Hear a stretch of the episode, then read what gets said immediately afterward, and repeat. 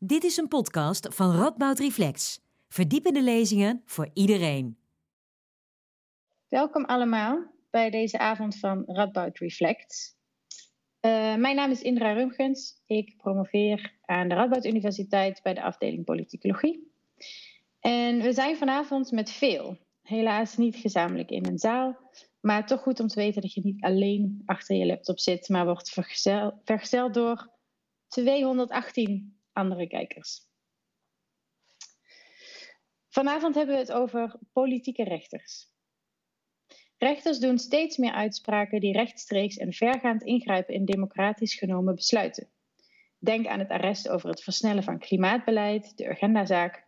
Hierbij dwingt de rechter de politiek andere keuzes te maken, terwijl de samenleving zich hier niet over heeft kunnen uitspreken. Ook internationale gerechtshoven, zoals het Europees Hof voor de Rechten van de Mens, doen steeds verdergaande uitspraken die direct ingrijpen in democratisch tot stand gekomen wetgeving in Europese landen, bijvoorbeeld op het gebied van asielbeleid. Dit citaat was te lezen in het conceptverkiezingsprogramma van de VVD. Het frame van de politieke rechter werd overgenomen van partijen als de PVV en Forum voor Democratie, die de rechtspraak in Nederland al langer betichten van politiek zijn. De verontwaardiging en kritiek zien we vooral als het aankomt op uitspraken op het gebied van klimaat, asielbeleid, uh, milieuwetgeving. Ook de uitspraak van de avondklok wordt door sommigen in dit rijtje genoemd, alhoewel die iets lastiger valt aan te merken als politiek geïnspireerd. Politiek dus, als men het heeft over politieke rechters, lijkt vooral te gaan over uitspraken die niet in lijn zijn met de politieke agenda's van deze uh, politieke partijen. Het moet gezegd zijn dat de leden van de VVD tijdens hun congres ervoor zorgden dat het verkiezingsprogramma werd aangepast. Zo werd de wens om uh, de mogelijkheid te beperken voor stichtingen en verenigingen om te procederen uit naam van het collectief belang uiteindelijk verwijderd. Net als het citaat waar ik net mee opende. Dit echter, dit geheel, is de aanleiding voor Radboud Reflect om samen met de faculteit der rechtsgeleerdheid nu een avond te organiseren waarin we het gaan hebben over dit idee van de politieke rechter. Wat is dat eigenlijk, een politieke rechter? En kennen we zulke rechters in Nederland? Wat is eigenlijk de impact van dit frame dat welwillend door deze rechtse partijen de wereld in wordt geholpen? We spreken hier vanavond over met jurist Hansko Broeksteeg en rechtsfilosoof Ronald Tinneveld. Zij zullen beide een korte lezing gaan geven waarna ik ze een aantal vragen zal voorleggen, maar er ook veel ruimte is voor jullie om vragen te stellen. Dat kan vanavond via het zogenaamde Mentimeter. Je kan daarvoor gaan naar menti.com en inloggen met een code die nu ook in beeld verschijnt: uh, 1045 67 0. We beginnen dus met Hansko Broeksteeg. Hij is universitair hoofddocent staatsrecht aan de Radboud Universiteit en doet onder andere onderzoek naar parlementair recht en politiek staatsrecht. Hansko, ga je gang. Ja, dankjewel Indra. Uh, je zei zojuist ook al dat uh, de aanleiding van uh, deze avond de Tweede Kamerverkiezingen zijn. En ook de discussie die er binnen vooral de VVD is geweest over de rechtsstaat. Aanvankelijk waren in het verkiezingsprogramma van deze partij voorstellen opgenomen die, kort weergegeven, de rol van zowel de nationale als de internationale rechter zouden beperken. Nationaal omdat de toetsing door de rechter van Nederlandse wetgeving aan internationale verdragen beperkt zou moeten worden. De partij vond bijvoorbeeld dat de rechter in het Urgenda-arrest, waarin hij toetste aan internationale normen, ten onrechte de politiek tot keuzes zou dwingen. En een van de andere voorstellen was dat uitspraken van het Europees Hof voor de Rechten van de Mens gecorrigeerd mogen worden door lidstaten van de Raad van Europa. Als die uitspraken zouden, dan citeer ik, indruisen tegen hun bedoeling. Einde citaat. Daarmee zouden de lidstaten van de Raad van Europa, de internationaal rechtelijke organisatie achter het EVRM, het Europees Verdrag voor de Rechten van de Mens, en het EHRM, het Europees Hof voor de Rechten van de Mens, het Hof kunnen corrigeren. Nou, op die voorstelling kwam heel veel kritiek, ook van de VVD-leden zelf. Reden waarom het verkiezingsprogramma is gewijzigd en nu zelfs een diametraal ander perspectief lijkt te hebben, met veel nadruk op de rol en de positie van de rechter in de rechtsstaat, ook van het EHRM. Niettemin uh, lijkt er niet alleen bij de VVD, maar ook bij andere politieke partijen soms een houding te sluimeren ten opzichte van een bepaalde houding te sluimeren ten opzichte van de rechterlijke macht. De, ja, en die houding is dan dat de rechter te veel ruimte inneemt in verhouding tot de wetgever. Dat de rechter wellicht ook de politiek is, dat hij zijn eigen oordelen zou laten prevaleren boven eh, politieke besluiten. En vanavond gaat het om eh, die politieke rechter. Dat is ook de titel van vanavond. En dat is dan ook wat ik versta onder die politieke rechter. Een rechter die te veel ruimte neemt ten opzichte van de volksvertegenwoordiging. Hij zou op de stoel van de wetgever gaan zitten. Of die zich door ja, te veel door eigen opvattingen zou laten leiden. In plaats van eh, de politieke opvattingen op de voorgrond zou stellen. Ik, ik, ik uh, wil dit betoog even uh, ja, doen langs een, langs een drieslag. Eerst kritiek op nationale uitspraken, dan kritiek op internationale uitspraken en vervolgens een laatste punt, misschien toch wel wat meer ruimte voor de nationale rechter. In de eerste plaats kritiek op nationale uitspraken, die meestal luidt, zoals gezegd, dat die rechter niet op de stoel van de wetgever moet gaan zitten.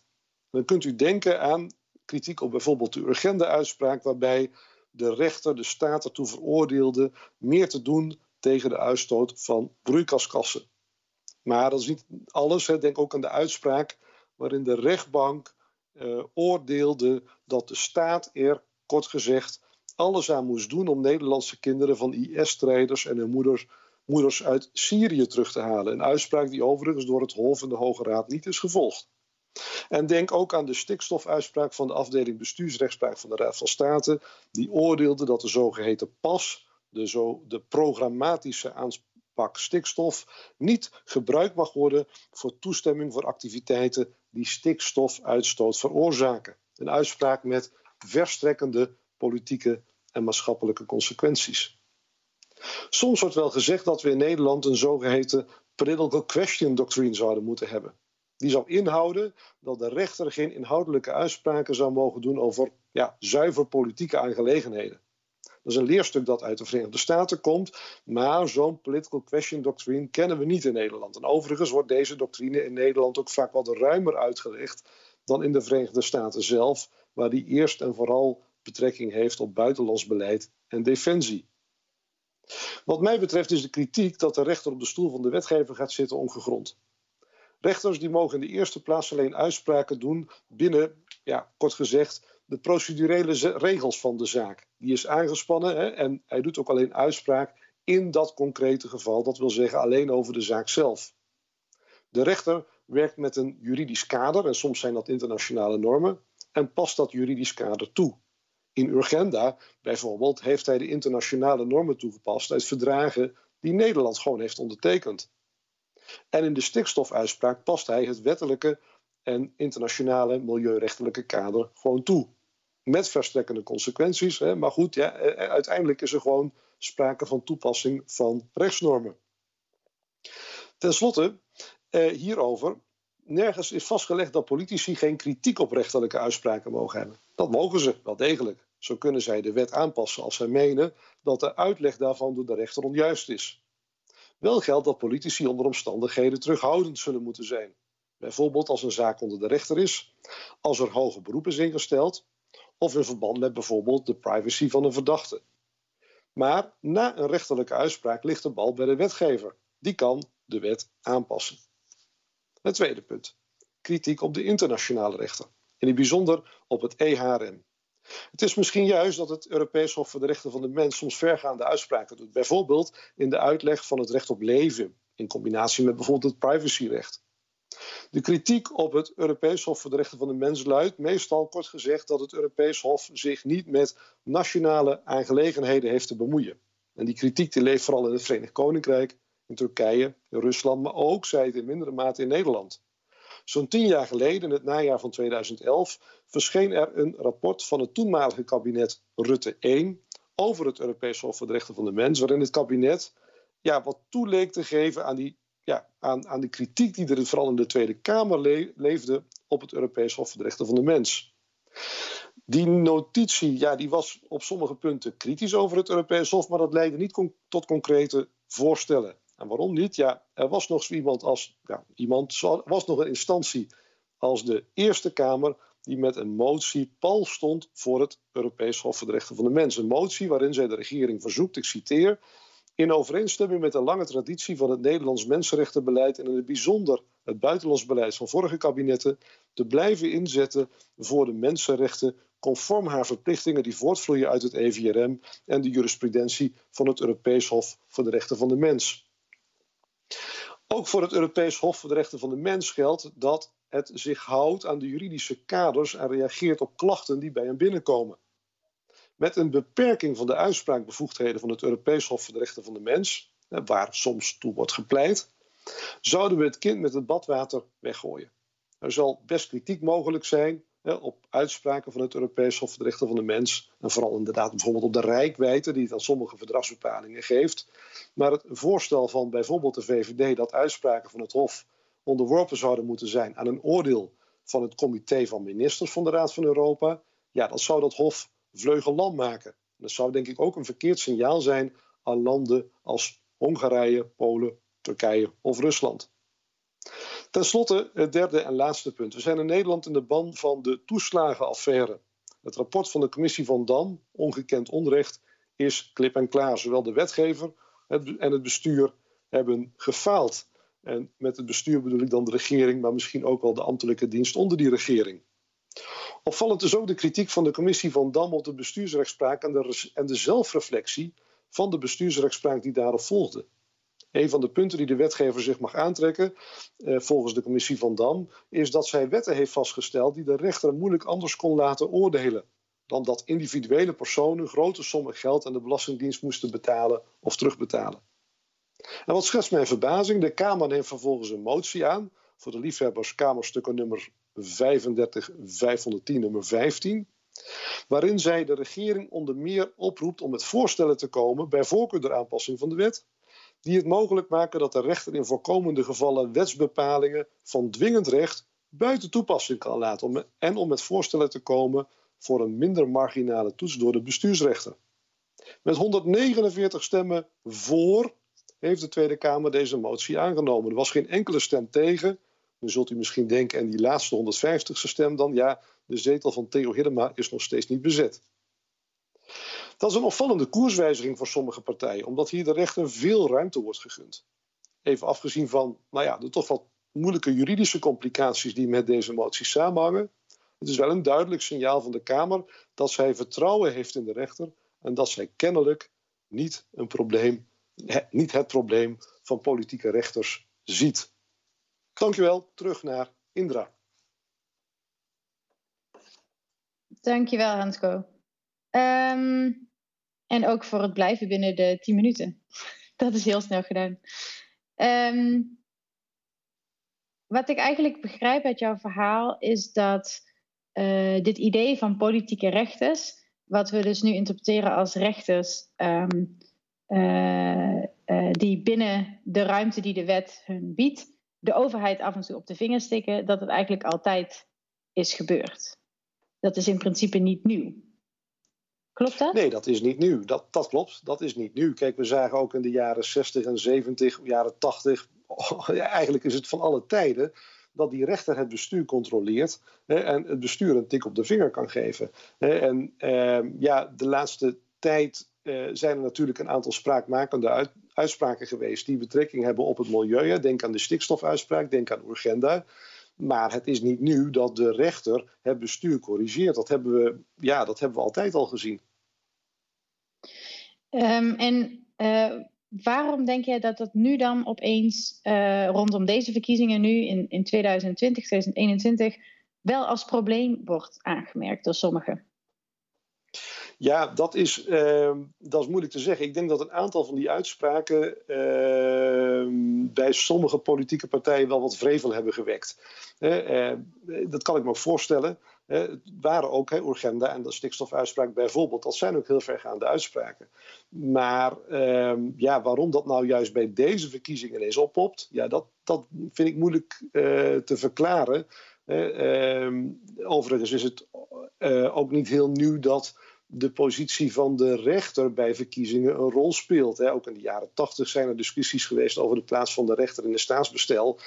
En ook, ook bijvoorbeeld in het licht van eh, constitutionele toetsingen, de plek, die de rechter moet hebben, of de bevoegdheid die de rechter zou kunnen hebben om, uh, om wetten aan de grondwet te toetsen.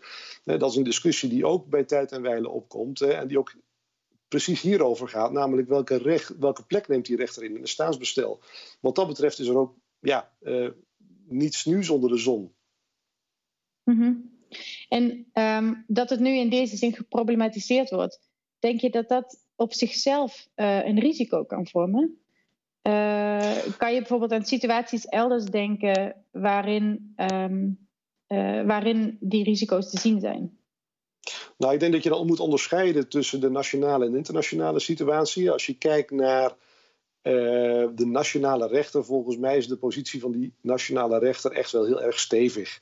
Uh, ik, ik, de, de, bevolking heeft veel vertrouwen in de nationale rechter. Uh, meer denk ik dan in de politiek, hè, dan in de politieke ambten en instituties. Ehm, en ja, er zijn geen grote vergaande voorstellen om de macht, de bevoegdheden van die Nederlandse rechter in te perken. Integendeel, hè, waar ik zojuist mee eindigde in mijn betoog. Er zijn zelfs, er is een duidelijke tegenbeweging om die rechter juist wat meer vrijheid te geven. Om te toetsen aan beginselen als wetten apert onbillijk uitvallen voor, burgers. In, op het internationale vlak denk ik dat het anders is. Uh, als je kijkt bijvoorbeeld naar het Europees Hof voor de Rechten van de Mens, dan zie je dat er lidstaten zijn van, het, uh, van de Raad van Europa die die uitspraken van het Europees Hof voor de Rechten van de Mens, die bindend zijn, toch consequent niet opvolgen en niet uitvoeren. Ja, en dat doet natuurlijk wel ernstig afbreuk aan het gezag van zo'n Europees Hof voor de Rechten van de Mens. Dus ik denk dat Ehm, dat, dat in Nederland dat, dat risico niet heel groot is. Hè, maar dat als je kijkt bijvoorbeeld naar het Europees Hof voor de Rechten van de Mens, het risico, dat we zeggen, het, risico van, van, van, van continue eh, kritiek op, op dat mhm. instituut.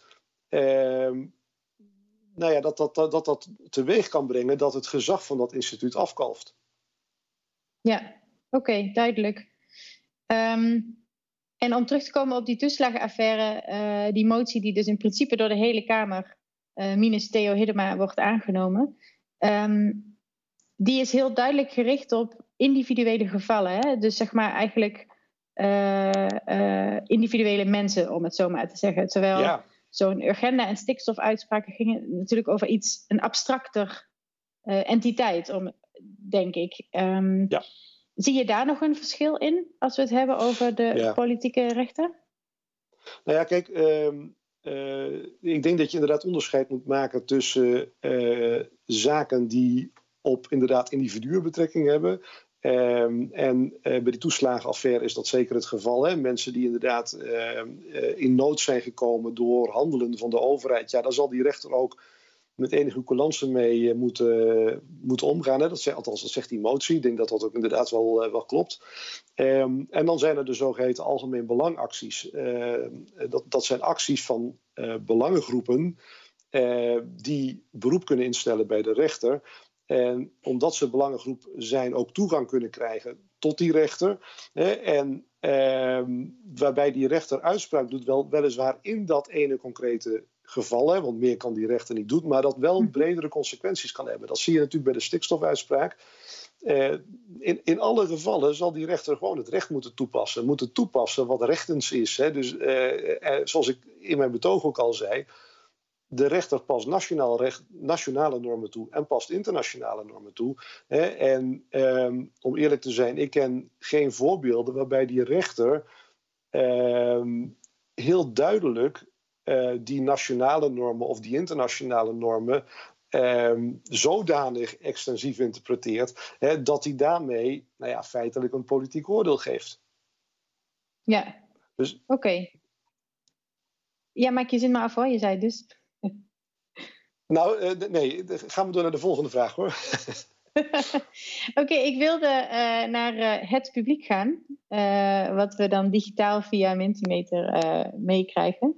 En um, ik denk een interessante vraag die ik zie, die gaat eigenlijk in op. Jij gaf aan van de wetgever heeft ook een taak, hè? Als, ik bedoel, als, als de wetgever ontevreden is met, met bepaalde uitspraken, dan kan ze natuurlijk haar taak, namelijk het creëren van wetten, uitvoeren. En een van de vragen ehm, die wordt gesteld is: laat de wetgever eigenlijk niet te veel liggen, zodat de rechter wel moet gaan in- of aanvullen?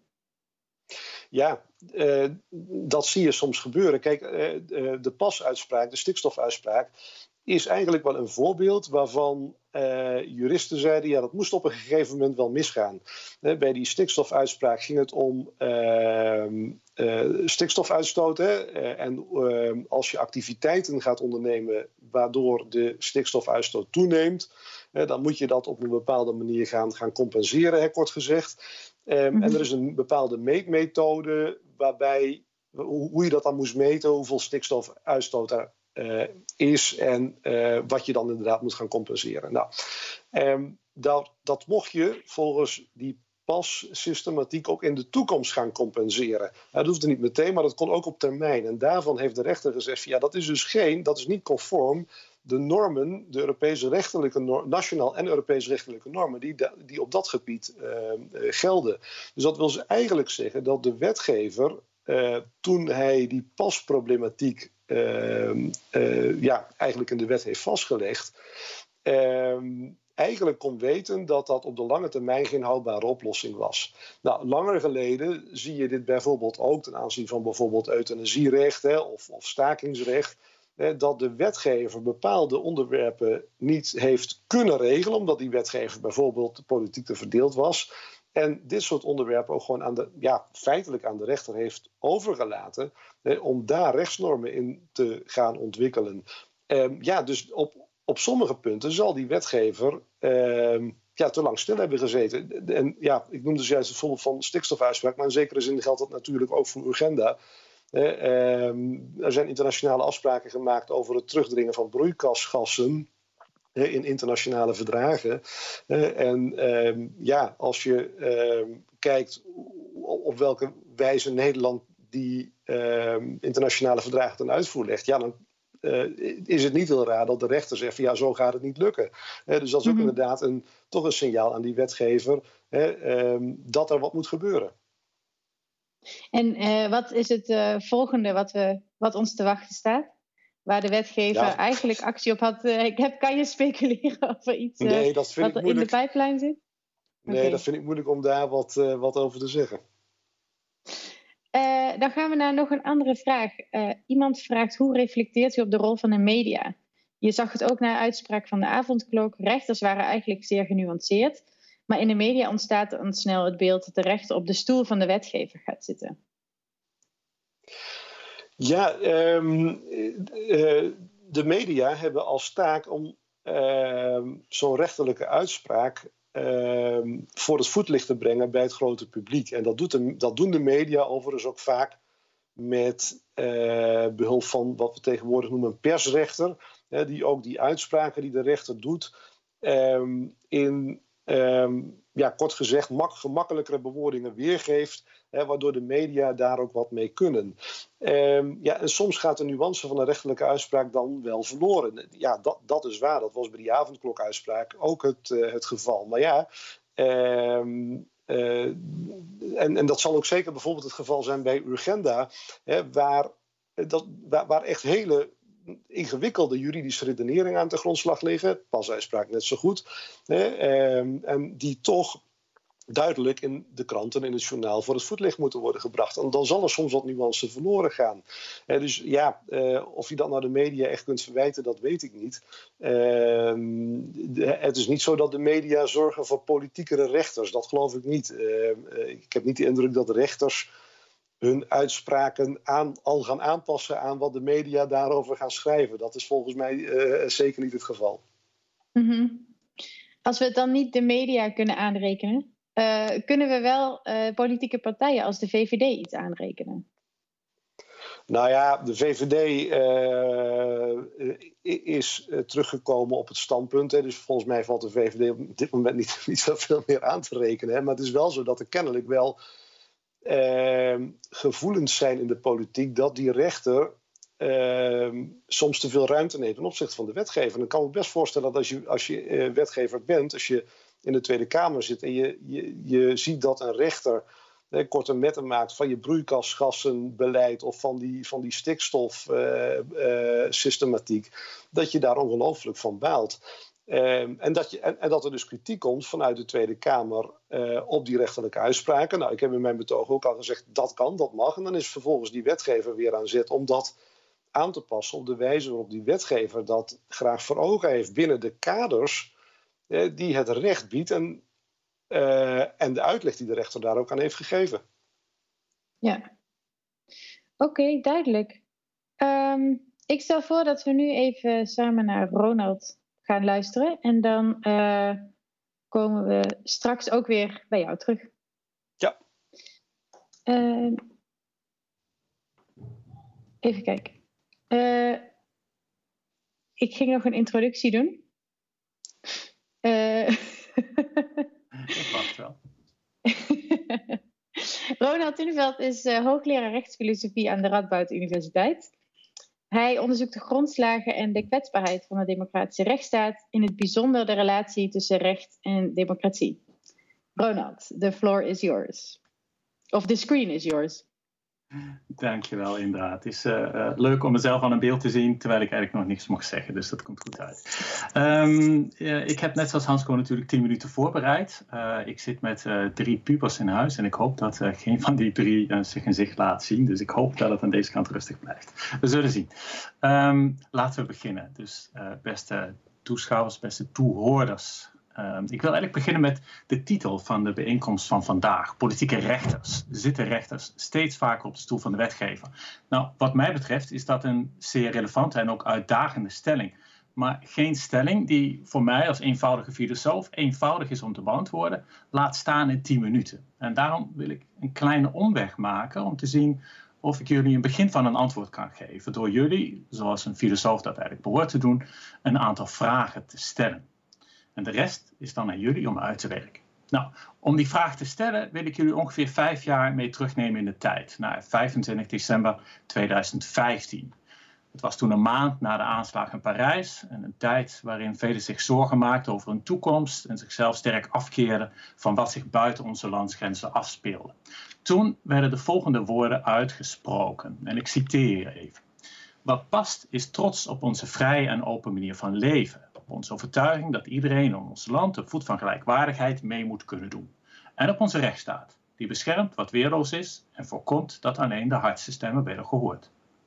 Nou, mooie woorden denk ik. De rechtsstaat beschermt wat weerloos is en voorkomt dat alleen de hardste stemmen worden gehoord. En toch ontbreekt er wat mij betreft iets aan die woorden. De rechtsstaat is immers geen persoon die kan spreken, die kan handelen of denken. De rechtsstaat kan alleen datgene wat weerloos is beschermen die burgers weten wat de rechtsstaat is. Wat de normatieve grondslagen ervan zijn en er ook ambtsdragers en burgers zijn die dat recht dragen, uitdragen en handhaven. Dat is des te belangrijker, denk ik, omdat die structuren van onze rechtsstaat niet sterk zijn. De rechtsstaat is, en dan gebruik ik even de woorden van Weile, senator Willem Witteveen, geen rustig bezit. Geen huis waarin we onbezorgd kunnen slapen. Toewijding en zorg blijven dus altijd geboden. Nou, die kwetsbaarheid of die fragiliteit van het huis maakt dat het nodig is om het debat te voeren over de inrichting en de normatieve grondslag van die rechtsstaat. En dat debat te blijven voeren. Ten meer omdat de inrichting van die rechtsstaat aan verandering onderhevig is. De relatie tussen wetgever, bestuur en rechter zoals we die nu kennen, verschilt immers sterk van pakweg 30, 50 of 100 jaar geleden.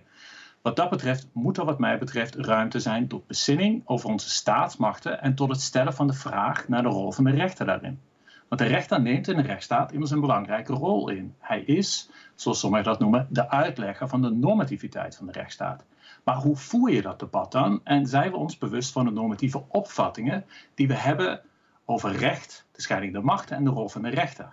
Dat is denk ik het niveau waarop het voor mij als filosoof interessant wordt het onderzoek naar de inhoud en de houdbaarheid van die normatieve opvattingen die we gebruiken om over zaken te denken, spreken, argumenteren en debatteren.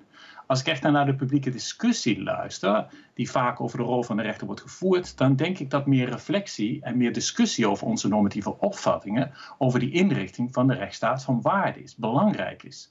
Want wat zijn onze opvattingen en in hoeverre zijn die houdbaar? Hebben een zeer klassieke opvatting van de rechtsstaat, waarbij de drie machten duidelijk van elkaar gescheiden zijn en de rechter louter recht toepast en vooral niet vormt? Of zien we de rechtsstaat als een moeilijke evenwichtsoefening tussen drie machten die elkaar met veel inspanning in balans proberen te houden, maar die onvermijdelijk in elkaars vaarwater komen? Neem opnieuw de titel van deze bijeenkomst: Politieke rechters. Zitten rechters steeds vaker op de stoel van de wetgever? Wat hebben we voor ogen wanneer we het over de politieke rechter hebben? Dat de rechter in toenemende mate wordt gevraagd recht te spreken in politiek geladen kwesties. Dat bepaalde rechterlijke uitspraken politie niet goed uitkomen. Dat de uitspraken van de rechter gekleurd zijn door zijn eigen politieke opvattingen. Of dat de rechter aan rechtsvorming doet. Wat maakt een rechter of zijn uitspraken politiek? En wanneer is dat een probleem? Wat bedoelen we wanneer we stellen dat de rechter steeds vaker op de stoel van de wetgever gaat zitten? Impliceert dit dat de rechter dat eigenlijk wel mag doen, maar liefst niet te vaak, zoals sommige juristen beweren? In dat geval moeten we nadrukkelijker nadenken over de wijze waarop de rechter dan een rechtsvorming kan doen en hoe hij zijn legitimiteit op dat vlak kan bewaren. Of betekent het dat de rechter dit nooit mag doen? Dat er één stoel is voor de wetgever en één voor de rechter en dat er maar één van de twee aan rechtsvorming mag doen? Nou, ik denk dat aandacht voor de taal die we gebruiken en die impliciete normatieve opvattingen die we hanteren, wat mij betreft cruciaal is. En interessant vind ik dan ook de discussie over rechterlijk of juridisch activisme en de vooringenomenheid die daarin zit. Begin vorig jaar stond de volgende titel boven een artikel in de Volkskrant. Met het Urgenda-arrest doet de Hoge Raad aan juridisch activisme. Nou, wie dat leest, voelt meteen ook de morele afkeuring. Tegenover activisme wordt dan terughoudendheid geplaatst. De rechter dient zich bij politiek gevoelige kwesties vooral terughoudend op te stellen, dient terughoudend of marginaal te toetsen. Het opvallende is echter dat dat tweede concept een gevoelsmatig neutrale houding heeft en het eerste niet. Rechterlijk activisme lijkt problematisch, terughoudendheid niet. Nou, rechterlijk activisme heeft, dan gebruik ik een bekende definitie van Koopmans, te maken met het probleem dat de rechters zich bij het uitleggen en toepassen van grondwetartikelen en rechtsbeginselen niet laten leiden door de wet zelf, maar door een eigen normatief begrippenapparaat naar voren te schuiven en toe te passen. Rechterlijk activisme in die zin wordt dan direct als onwenselijk gezien, waardoor rechterlijke terughoudendheid als neutraal en wenselijk verschijnt. Maar ook daar kunnen we de vraag stellen: klopt dit wel en wat zegt dat over de taal die we gebruiken? Staat tegenover activisme wel terughoudendheid en vormt terughoudendheid een neutrale houding? Is het niet beter en duidelijker een andere tegenstelling als uitgangspunt te nemen of een ander taalgebruik te hanteren? Tegenover rechterlijk activisme kunnen we misschien, zoals Brenninkmeijer in het begin van de jaren 90 eh, deed, een ander concept stellen om de tegenstelling zuiver en minder waardig gelaten te maken. En daarmee wellicht ook onze normatieve opvattingen duidelijker naar voren te laten komen. Namelijk het concept van rechterlijk conservatisme. Tegenover activisme staat dan conservatisme. Nou, aandacht voor de taal die we gebruiken en dus die impliciete normatieve opvattingen die we hanteren, wordt ook belangrijk wanneer we ons realiseren dat we niet alleen in een rechtsstaat leven, maar in een democratische rechtsstaat. En vaak simpelweg veronderstellen dat democratie als uitdrukking van de politieke wil van het volk en die rechtsstaat een soort onproblematisch of symbiotisch geheel vormen. En wie met gespannen en ook met veel ongeduld reageert op oproepen tot bezinningen over onze staatsmachten, lijkt wat mij betreft te vergeten dat de wil van het volk en de idee van de rechtsstaat niet altijd eenvoudig met elkaar verenigbaar zijn en als vanzelf een stabiel systeem opleveren. Hoewel beide elementen essentieel zijn voor een rechtvaardige samenleving, kunnen er toch belangrijke spanningen bestaan die voor instabiliteit zorgen. Democratie kan de rechtsstaat inperken en de rechtsstaat kan op zijn beurt de democratie inperken. Nou, hoe we naar deze spanning kijken en naar de vraag wat democratie precies is, heeft een belangrijk effect op onze kijk op de plaats van de rechter in ons bestel.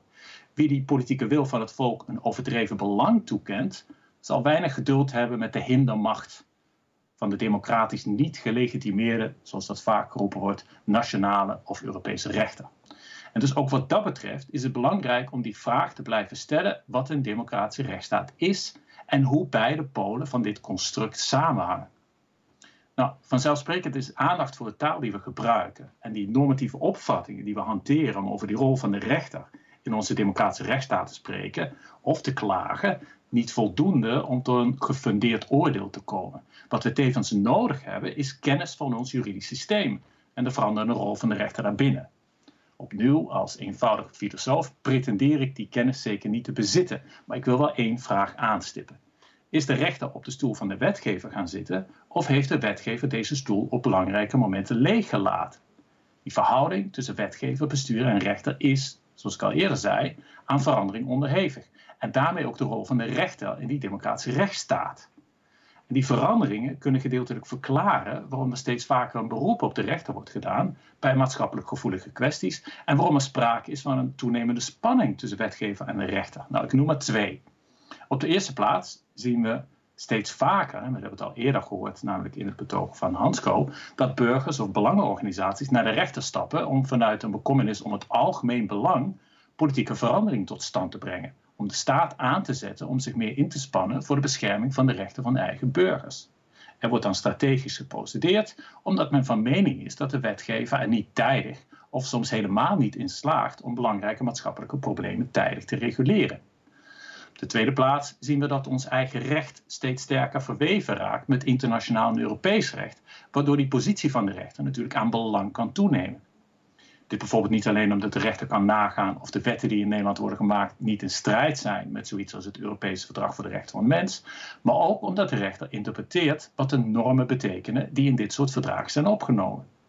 Nou, deze veranderingen maken zeker niet dat we de vraag niet kunnen of moeten stellen of de rechter op een te actieve wijze aan rechtsvorming doet, maar zorgt er wel voor dat we tot nuance worden gedwongen. Wat is gevolg en wat is oorzaak in deze kwestie? Er is, om af te sluiten, wat mij betreft, geen reden om krampachtig te reageren op oproepen tot bezinning over onze staatsmachten. Of op vragen naar de rol van de rechter in ons democratische rechtsstaat. Juist een tegenstelling dergelijke vragen kunnen zeer waardevol zijn om die fundamenten van dat kwetsbare huis van onze rechtsstaat te dragen en steeds opnieuw uit te dragen. Essentieel is dan echter wel dat dit niet gebeurt vanuit een soort heimelijke poging om het werk van politici af te schermen van de kritische toets van het recht of de rechter simpelweg af te schilderen als een ondemocratisch of niet-democratisch gevaar. Debat is nodig, discussies zijn nodig. Maar die discussies dienen te steunen op inzicht in het speelveld waarin de rechter zich begeeft. Op basis van kennis van de spelregels, spelregels pardon, die gelden voor het oordeel dat de rechter velt. Op basis van een duidelijk besef van de ruimte die die rechter nodig heeft om parlement en regering effectief te kunnen controleren. Op basis van inzicht in de taal en de normatieve opvatting die we hanteren. En vooral, wat mij betreft, vanuit een fundamentele bekommernis om de brede normatieve vraag naar wat een rechtvaardige samenleving is en welke rol die drie staatsmachten hierin het beste spelen. En die bredere vraag dient, en dan keer ik heel even terug naar de woorden van Willem Witteveen, in een democratische rechtsstaat voortdurend onderwerp van discussie te zijn. Het steeds opnieuw kunnen en moeten stellen van de vraag naar die rechtvaardige samenleving is een teken van een ware en open democratische orde. Een orde waarin beschermd wordt wat weerloos is en voorkomen dat alleen de luidste stemmen worden gehoord. Oké, dan ben ik, als ik naar mijn tijd kijk, één minuut over mijn tien minuten heen. En bedankt voor jullie aandacht. Nou, die ene minuut is je vergeven. en ik heb geen pubers gehoord, dus uh, dat is ook goed gelukt. Ja. Nou, hier is een zeven maanden oude baby, dus daar zit ook een risico in.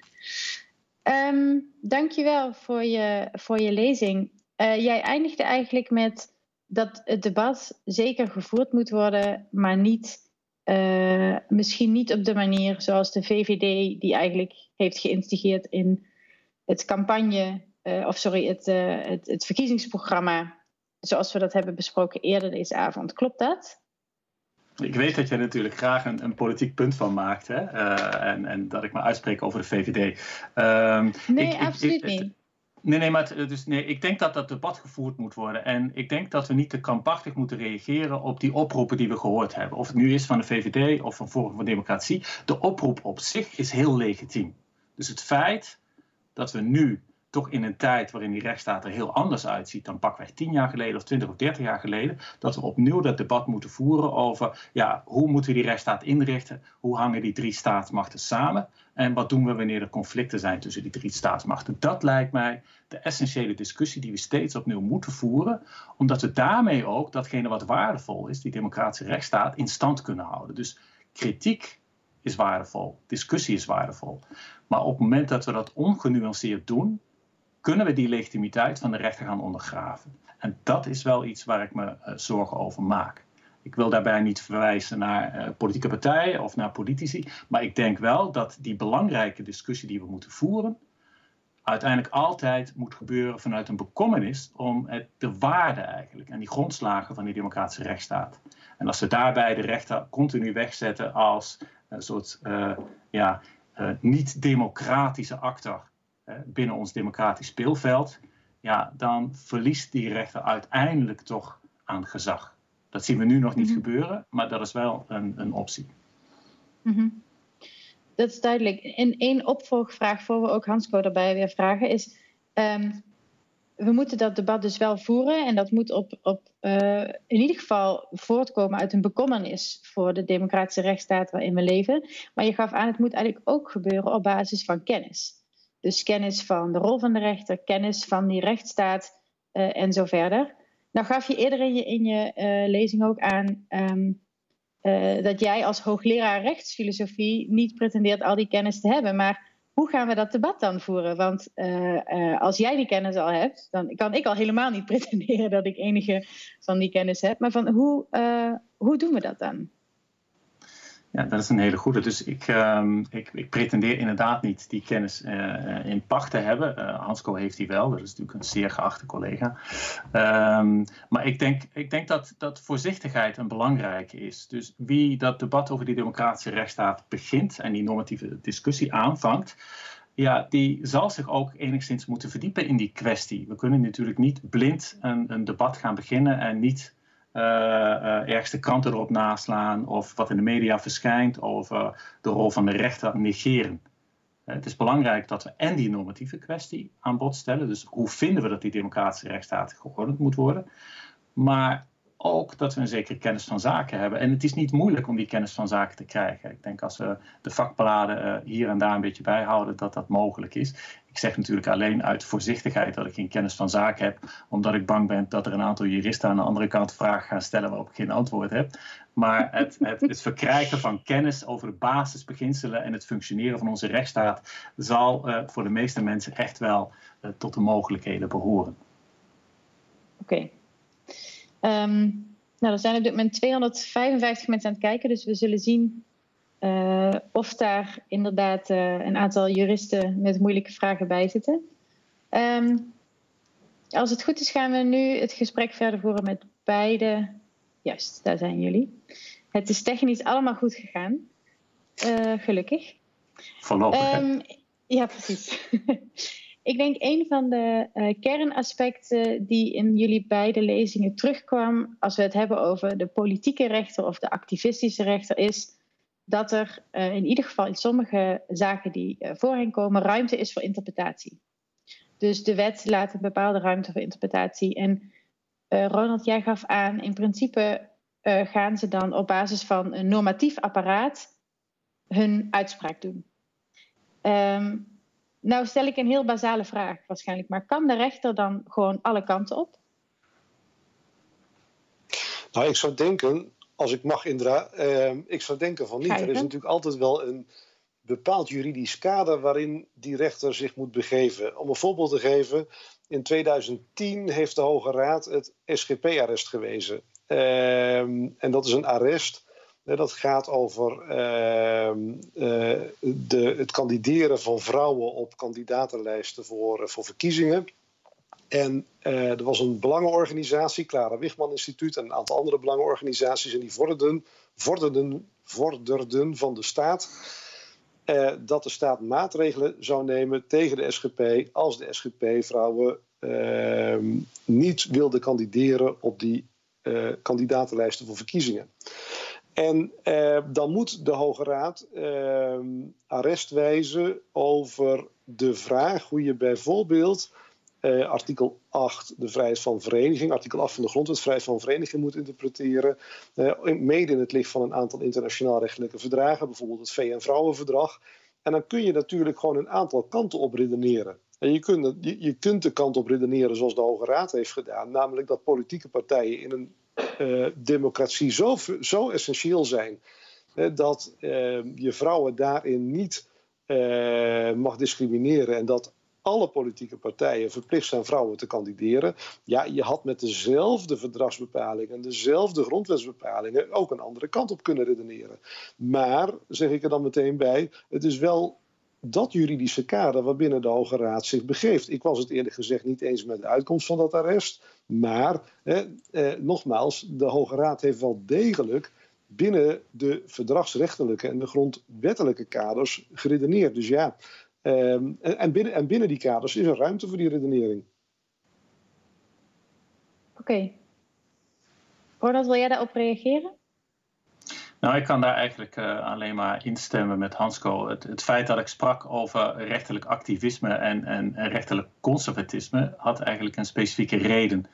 Dus op het moment dat we natuurlijk vaststellen dat de rechter toch aan rechtsvorming doet en dat er een ruimte is waarbinnen de rechter een oordeel velt, dan zal die rechter dat natuurlijk doen binnen de kaders die het recht stelt. Maar zelfs binnen die kaders is er nog ruimte natuurlijk voor meningsverschillen of verschillende oordelen. Um, uh, wat mij vaak wel opvalt is uh, dat uh, als het gaat om die invulling vaak gesproken wordt over het belang van terughoudendheid of een soort marginale toetsing alsof dat zou impliceren dat dat geen nou ja, normatief oordeel zou kunnen zijn. Wat mij betreft is het denk ik gewoon belangrijk om, om te weten dat die marge is om invulling aan te geven, maar dat dat geen willekeur of een subjectief oordeel is.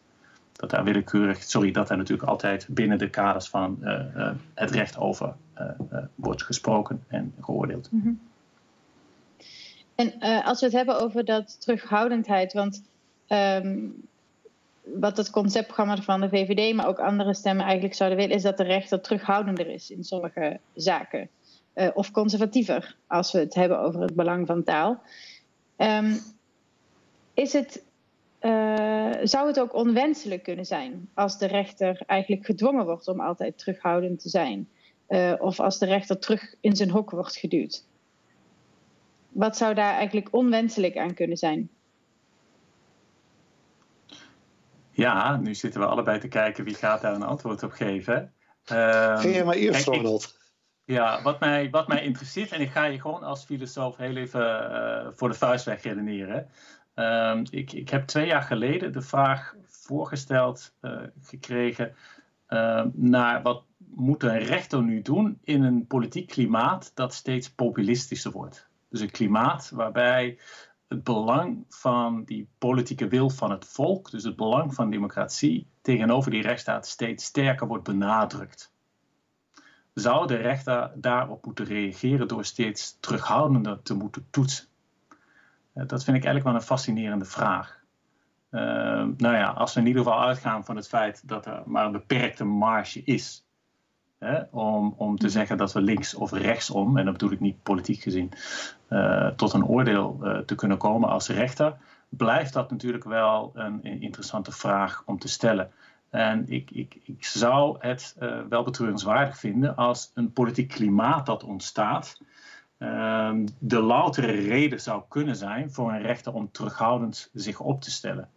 Uh, als er andere redenen zijn, inhoudelijke redenen, dan zou ik dat uh, vanzelfsprekend uh, accepteren. Maar als het politieke klimaat maakt dat de rechter voorzichtiger wordt in zijn of haar optreden, dan denk ik dat we daar een twijfelachtige kant op gaan. Een kleine aanvulling op jou, Ronald. toen in 2010, 2011 discussie ontstond over het Europees Hof voor de Rechten van de Mens. Toen vonden veel politieke partijen in Nederland uh, en ik benadruk zeker niet alleen de VVD, dat uh, het Europees Hof voor de Rechten van de Mens een ruimere margin of appreciation moest laten aan de lidstaten. Margin, dat betekent hè, margin of appreciation dat die lidstaten, gezien de nationale context, ruimte moeten hebben voor, eh, nou ja, voor het nemen van besluiten, het vaststellen van wetgeving, et cetera. Het Hof heeft rekening te houden ja, met, met heel kort gezegd de nationale eigenaardigheden van het land. En Nederlandse politieke partijen vonden toen dat het Hof een ruimere margin of appreciation moest toepassen in zijn uitspraken.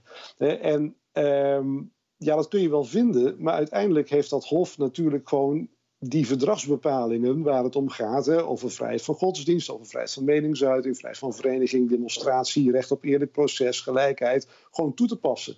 En dan is er gewoon een ondergrens. Eh, je kunt wel een margin appreciation bepleiten, maar dan is er gewoon een ondergrens dat er op een gegeven moment gewoon een, ehm, een, een, een, verdragsbepaling wordt geschonden. En natuurlijk kun je discussiëren over hoe ruim de margin of appreciation ten aanzien van verschillende uh, verdragsbepalingen moet zijn en misschien uh, ten aanzien van verschillende onderwerpen moet zijn. Maar je kunt niet in het algemeen stellen dat die margin of appreciation groter moet zijn. Dat, dat, dat, ja, dat, dat gaat niet. Dan, dan, uh, dan misken je eigenlijk dat al die zaken die voor zo'n Europees Hof voor de Rechten van de Mens komen, of je kunt ook transponeren naar, naar, de, naar, de, naar de nationale rechten die, voor de rechter komen, allemaal zo verschillend zijn dat je, ehm, dat je daar met een grote marge naar moet kijken. Ja, zo werkt dat natuurlijk niet. Je moet het recht toepassen.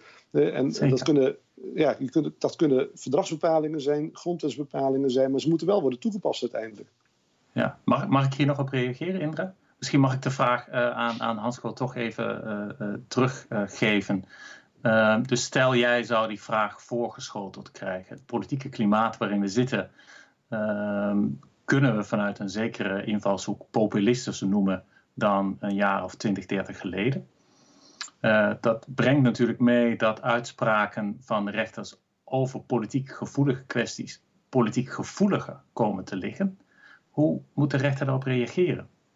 Je zegt natuurlijk terecht, de, de, de, de marge waarin een uitspraak gedaan kan worden is vrij beperkt. Dus we moeten niet doen alsof de rechter zomaar links of rechtsom hè, eh, een oordeel kan vellen wat hij of zij wel dunkt.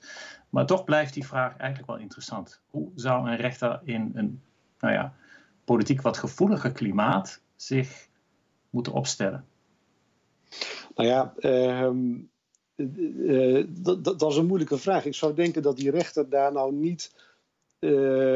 Ik zou denken dat die rechter zich daar niet zo mee bezig zou moeten zijn. Die rechter die moet uh, in concrete gevallen concrete uitspraken doen met toepassing van het recht. En het lijkt mij niet juist als de rechter daar, laten we, laten we zeggen, een soort beleid op zou maken. Hè, want er is nu een populistischer klimaat. Dat betekent dat ik als rechter ja, misschien op een andere wijze recht zou moeten spreken of daar rekening mee zou moeten houden. Uh, die rechter moet gewoon het recht toepassen. Uh, en soms heeft hij interpretatieruimte, soms niet. Uh, bij ja, laten we zeggen, in de zaken die hebben geleid tot de toeslagenaffaire, had hij wellicht te weinig interpretatieruimte. Ehm, en soms heeft hij veel interpretatieruimte. Maar ik heb, ja, ik heb niet de indruk dat de rechter nou moet gaan reageren op een, op een populistischer klimaat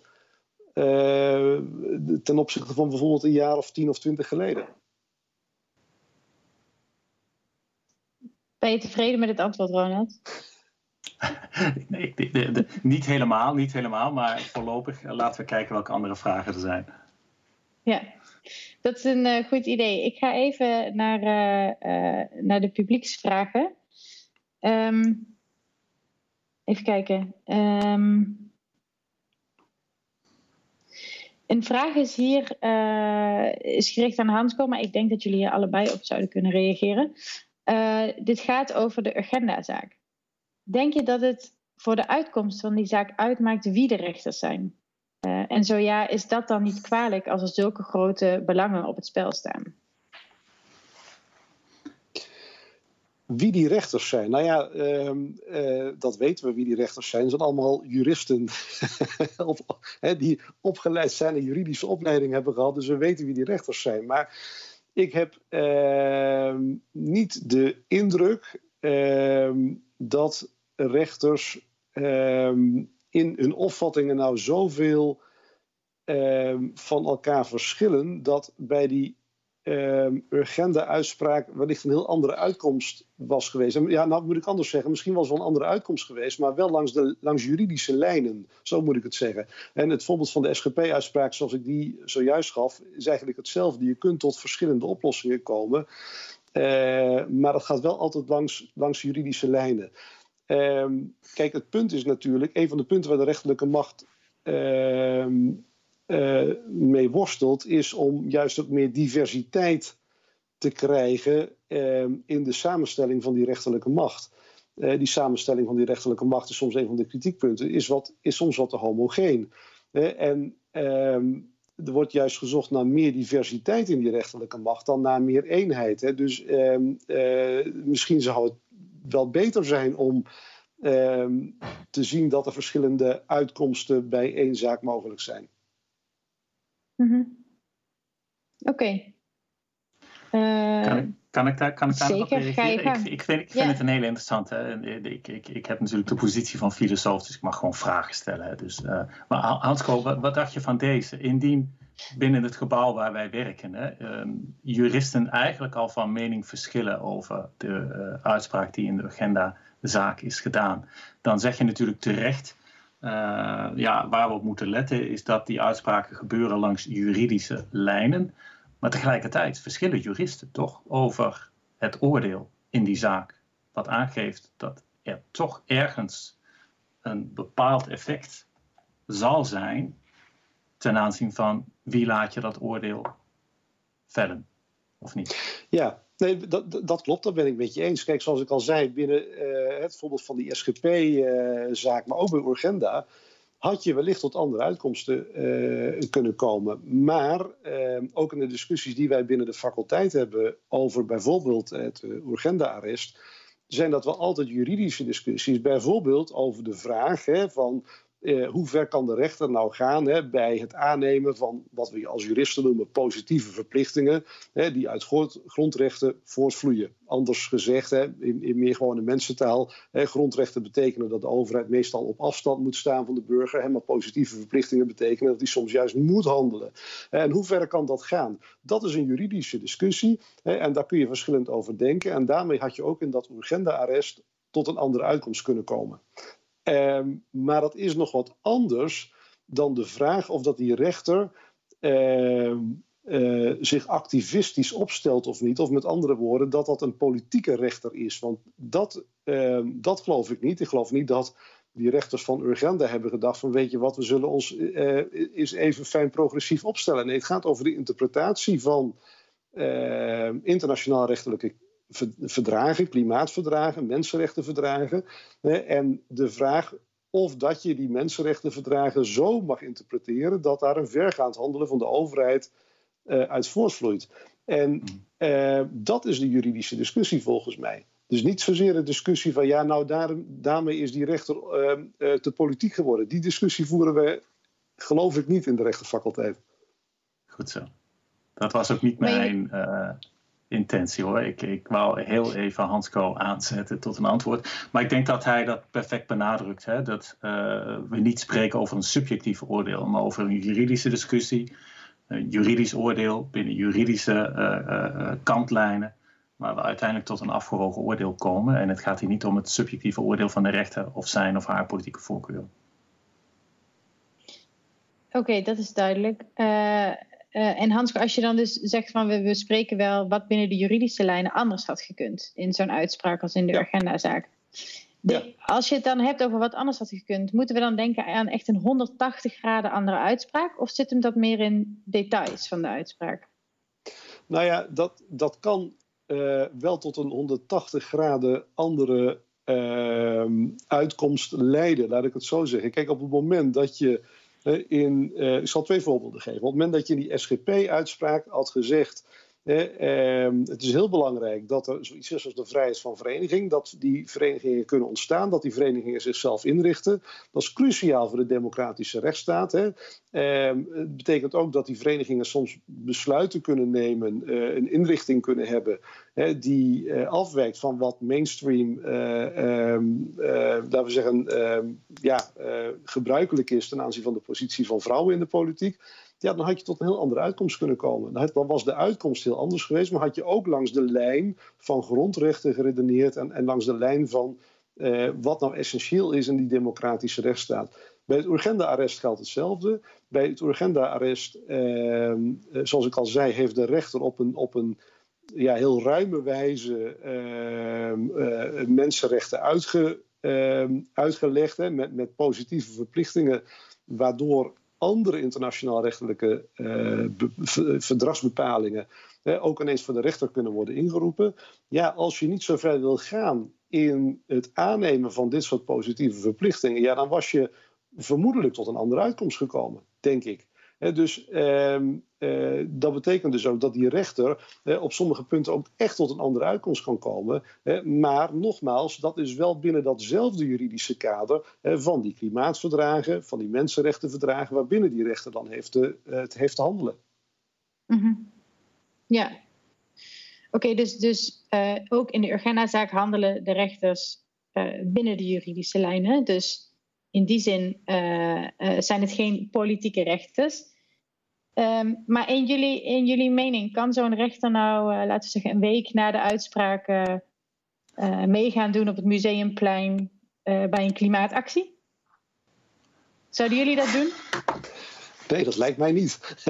dat Kijk, wat, wat, natuurlijk wel geldt, is dat die rechter onafhankelijk en onpartijdig moet zijn. En een rechter die meeloopt in uh, klimaatmassen en vervolgens moet uitspraak moet doen in, in een Urgenda-zaak, ja, die is, lijkt mij, onvoldoende onpartijdig om vervolgens die zaak te kunnen gaan doen. Ja, dat, dat hebben we overigens. daar zijn een paar voorbeelden van. Hè, dat, dat, dat rechters zich iets te politiek hebben uitgelaten. Er was een, een twitterende rechter die wat zei over uitspraken die Wilders heeft gedaan. Ja, dat kan niet, want diezelfde rechter kan soms in een. ja, dan zeggen, Wilders is al een, een, tweetal keer in een strafzaak betrokken. Daar zul je als rechter ook gewoon uitspraak in moeten kunnen doen. Dus je zult daar als rechter natuurlijk heel terughoudend in moeten zijn. Ja. ja. Zijn we toch weer bij terughoudendheid teruggekomen? Uh, ik, pik, ik uh, pik nog even een vraag uit de, de Mentimeter. Uh, hier vraagt iemand: um, Maakt kritiek op de rechter eigenlijk niet gewoon duidelijk dat de trias politica werkt? Dus dat de ene macht inderdaad de andere corrigeert? Zeker, zeker. Ja. ja. Ik denk dat het belangrijk is dat die ruimte er is. Ja. ja. Maar ik denk wel dat het belangrijk is, ik zei dat eerder, hè, dat we dat wel doen uh, op, op, een, op een hele specifieke manier. Hè, waarbij je met openheid natuurlijk en met, met, met kennis van zaken en met uh, vooral oog voor het belang van die rechtsstaat en de rol van de rechter daarin dat debat aangaat. Dus kritiek op zich is perfect. Iemand vraagt ook specifiek over hoe we die discussie dus zouden moeten voeren. Um, en die vraagt uh, aan jou, Ronald, hoe kijkt u aan tegen dissenting opinions, zoals we dat in de Verenigde Staten kennen, om die dus in Nederland in te voeren? Misschien is het goed om voor de leken onder ons, inclusief mijzelf, uh, even uit te leggen wat die dissenting opinions dan precies zijn. Vraag je dat aan mij, het oordeel of, of de uitleg? De, de, de vraag is, zal, is gericht zal, zal aan, aan jou, Ronald. Oké, zal ik gewoon het oordeel doen? En dan uh, kunnen we natuurlijk de meer technische details aan Hansco overlaten. Maar uh, voor zover ik uh, uitspraken uit de Amerikaanse context lees, en vooral van de Hoge Raad, vind ik het zelf verfrissend om te weten dat daar natuurlijk soms uitspraken worden gedaan waar niet alle rechters die daar een uitspraak over moeten doen, het met elkaar eens zijn. En dat laat ook heel duidelijk en heel mooi zien hoe je binnen die, zoals Hans Kool terecht zegt, juridische kaders ja, een oordeel kunt vellen over die kwesties en hoe daar ook meningsverschillen uh, zijn. Uh, maar dat uh, we daar te maken hebben natuurlijk met juridische meningsverschillen en niet met subjectieve voorkeuren of afkeuren die een rol kunnen spelen. Dus wat mij betreft is het heel verfrissend om, om te lezen waarom een rechter nu afwijkt van uh, zijn of haar uh, mede-rechters. ja, ik ben wat kritischer op dit punt.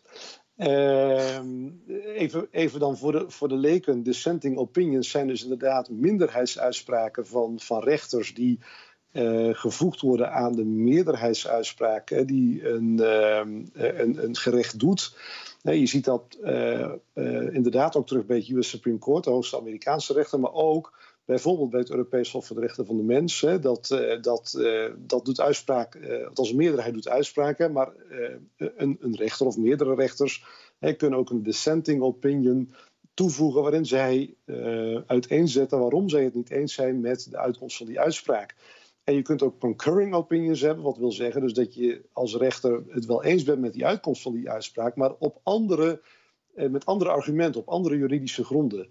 Ehm, ik ben daar ik zie ook wel eens verfrissende wat, wat Ronald uh, noemt. Um, en ik zie ook bijvoorbeeld wel in dat zo'n dissenting opinion de meerderheid in zo'n gerecht kan dwingen tot het preciezer, het exacter formuleren van, eh, van het, uh, het rechterlijke oordeel. Maar ik zie ook een gevaar, namelijk dat zo'n dissenting opinion ook het gezag van die rechter wat, um, ja, wat kan verzwakken. Op het moment dat een bijvoorbeeld de Hoge Raad uitspraak doet hè, met uh, drie tegen vijf raadsheren, sorry, drie tegen vijf, met vijf raadsheren, drie tegen hmm. twee raadsheren, ja, dan kun je natuurlijk als burger die uh, wel een beetje het idee hebben dat je net wat pech hebt gehad met die samenstelling van die, van die raadkamer. en uh, ja, dan doet dus inderdaad ehm, de, de samenstelling van zo'n raadkamer er ineens wel toe. dus, ehm, en ja, dat, dat kan.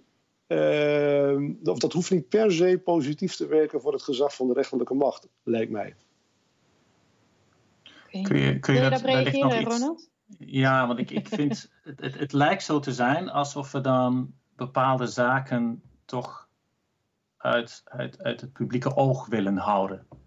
Alsof als we erkennen dat er ook binnen die tussen die rechters een meningsverschil kan bestaan, alsof dat meteen zou impliceren dat we te maken hebben met subjectieve oordelen. dus waar je net zei, de, de marge om met elkaar te verschillen is vrij beperkt. Dat gebeurt allemaal binnen juridische kaders. Uh, uh, en en daar, daar wordt gewoon rekening mee gehouden. Waarom zouden we hier die openheid niet hebben? Waarom zouden we die openheid omtrent het feit dat er een verschil kan zijn, ook binnen die juridische kaders, niet ook gewoon publiek kenbaar maken? Nou ja, zoals ik al zei, om, omdat uh, uh, voor, vooropgezet, ik zie ook wel die, die voordelen die dissenting opinions eh, kunnen hebben, maar ik waarschuw ook voor één nadeel, namelijk hè, dat uh, een gerecht dat al te verdeeld is in zijn uitspraken en vonnissen, dat dat ook ehm, gevolgen kan hebben voor het gezag van dat gerecht. Denk aan, dat, aan het US Supreme Court, de hoogste Amerikaanse rechter, hè, dat eh, heel vaak uitspraken doet met 5 tegen 4. of soms 6 tegen 3, wat daarmee ook altijd verdeeld is. En waar dus ook een soort. Eh, en wat niet ten goede komt aan het gezag van deze hoogste Amerikaanse rechter. dus eh, ehm, eh, ik, wil niet meteen, ehm, laten we zeggen, die discussie over dissenting opinions daarmee beslechten van we moeten dat niet doen. maar het is wel een gevaar uh, dat kan dreigen. Hmm. En is het dan de bekendheid van het feit dat er geen consensus is dat het probleem constitueert? Of gaat het om het feit dat die verdeeldheid bestaat überhaupt? Dus wat is het probleem? De bekendheid? Ik zou zeggen de bekendheid, ja. Want uh, kijk, dat er, dat er ook in de Hoge Raad verschillend wordt gedacht over bijvoorbeeld hoe je een Urgenda-zaak moet oplossen of een SGP-zaak moet oplossen, ja, dat geloof ik wel. Ehm, maar ik weet niet, uh, nogmaals, of het voor het gezag van die rechter zo verstandig is om al die uh, verschillende opvattingen te openbaren. Hm. Oké, okay. uh, duidelijk. We zijn bijna aan het einde gekomen van deze avond, dus we gaan nu naar de laatste vraag. En ik heb heel toepasselijk gewacht tot het na negen uur was om deze te stellen.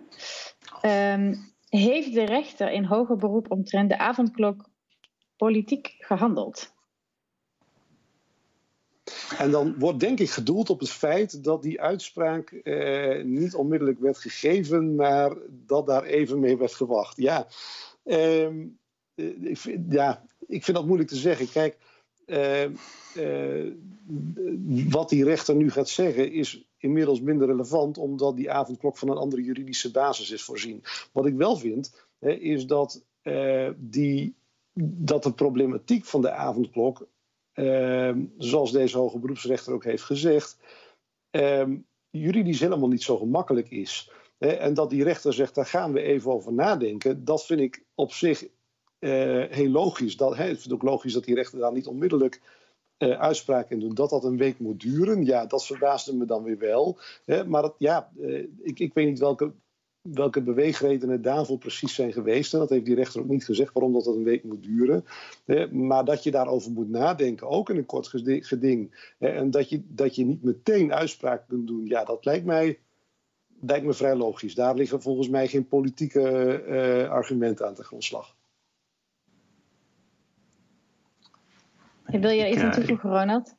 Nou, uh, inhoudelijk stem ik er helemaal mee in. Maar wat me vooral fascineerde was, uh, als je aan de ene kant kijkt hoe werd tegen die uitspraak in de agenda-zaak aangekeken en nu de zaak met die avondklok. Dat bij het eerste geval er nogal wat ophef was over het feit dat de rechter politiek zou zijn. En nu, als het bij veel mensen natuurlijk goed uitvalt dat de rechter een bepaalde uitspraak doet, dan vinden we dat allemaal prima. Dus die soort discrepantie tussen hoe we tegen die twee zaken aangekeken, vind ik wel fascinerend. Ja, dat laat ook wel een beetje zien dat de kritiek van de rechter, dus de politiek, wel een beetje te maken heeft met hoe je bepaalde uitspraken apprecieert. Hè? En ehm, ja, dat, nou ja, uh, misschien een belangrijke toevoeging nog. Dankjewel. Uh, nou, alhoewel de avondklok ons eigenlijk niet belet om eindeloos door te gaan, uh, gaan we toch deze, uh, Zoom, dit Zoom-debat afsluiten voor vanavond. Uh, ik wil jullie in ieder geval allebei hart, hartelijk bedanken. Hansco en Ronald, allebei van de faculteit rechtsgeleerdheid. Um, bedankt voor jullie inzichten, jullie vragen en antwoorden over dit idee van de politieke rechter. Ik hoop, ik heb in ieder geval veel geleerd en ik hoop de mensen thuis ook. Um, dus dank jullie wel. De volgende Radboud Reflect is maandag 1 maart om 8 uur. Uh, dat heet God en de Stad Sabbat. Over wat is de waarde van Sabbat of van rust. Je kan, deze, uh, je kan meer informatie vinden op de website van Radboud Reflects. Daar kan je ook uh, een donatie doen als je Radboud Reflects een warm hart toedraagt. Heel erg bedankt voor het kijken. Een fijne avond en graag tot een volgende keer.